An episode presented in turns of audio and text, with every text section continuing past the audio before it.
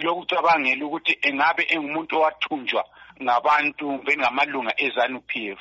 Ngakho-ke amboni ukuthi kungaba lo muntu ozabanjwa wenzela ukuthi kube lesijeziso esiyakwenza ukuthi abantu bengakwenzi khonokho. Ngatsho ukuthi indaba le ibanzi kakhulu ngoba unanzela ukuthi amacala bethwele ama-AK47 umbhobho othiwa yi-AK47 kuyenzakala lapha ezweni uswelakala umuntu obotshwayo. Kulo mfana lo udakudzwa ngadziwori othunjwe ngamadoda omunye wakhona waphuma ebulenjini ephethe i-AK47 lakathesi amapholisa kazange abambe lowo muntu kodwa ulokhuzeni isithombe sakhe saphuma ebulenjini umuntu lo ibizo lakhe liyaziwa umuntu yenalo ocatshangela ukuthi engabe unguye owathumbu utakuzo sikhangele uwilbert werenka empophoma. Ngathi ukuthi iminyaka edlulileyo kwasetshenziswa i-folded but AK47 rifle bemthumba endlini yakhe. Eh labo abamthumbayo awuzange eh kubotshwe umuntu kusisho ukuthi akusokube lesijeziso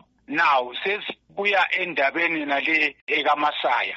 Abantu abacatshangelayo kuyaziwa akuzange kube lesijeziso awuzange ubanjwe umuntu amapholisa akhanya engafuni ukukhuluma ngodaba lukamasaya lolu isizathu mhlawumbe kungaba kuyikuthi aphezu kophenyo yini?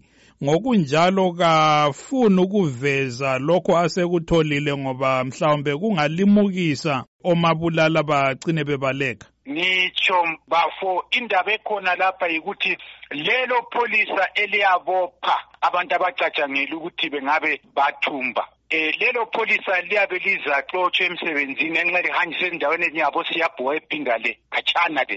Kumbe lixotshwe emsebenzini kumbe lihlangane lokunye udubeka angazange alokhuza ahlangane lakho. So kuyaziwa amapholisa yona ayazi ukuthi indaba nxa ikhanane lento lezanu p f phakathi sokumele uyibambe leyo ndaba ngokulimuka ngoba osahoho amapholisa ngamalunga ezanu p f.